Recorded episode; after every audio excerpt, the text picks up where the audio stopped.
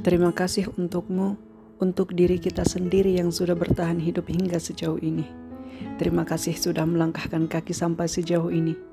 Hidup memang terkadang terlalu sulit untuk dijalani.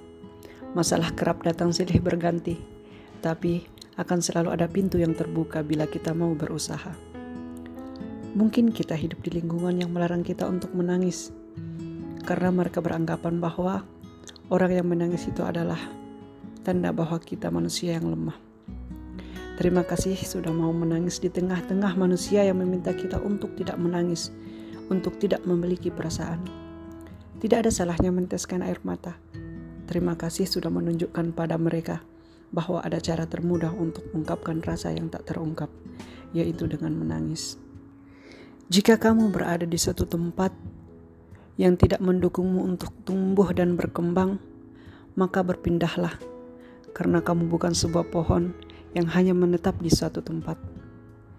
Kamu bisa menjadi dirimu sendiri, menjadi versi terbaikmu. Ucapan orang-orang yang selalu menjatuhkan, jadikan sebagai motivasi diri.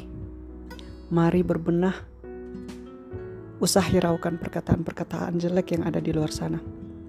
Percaya pada kemampuan kita, kita bisa menjadi versi terbaik dari diri kita sendiri. Tetap semangat. Aku, kamu, dan kita adalah orang-orang yang hebat.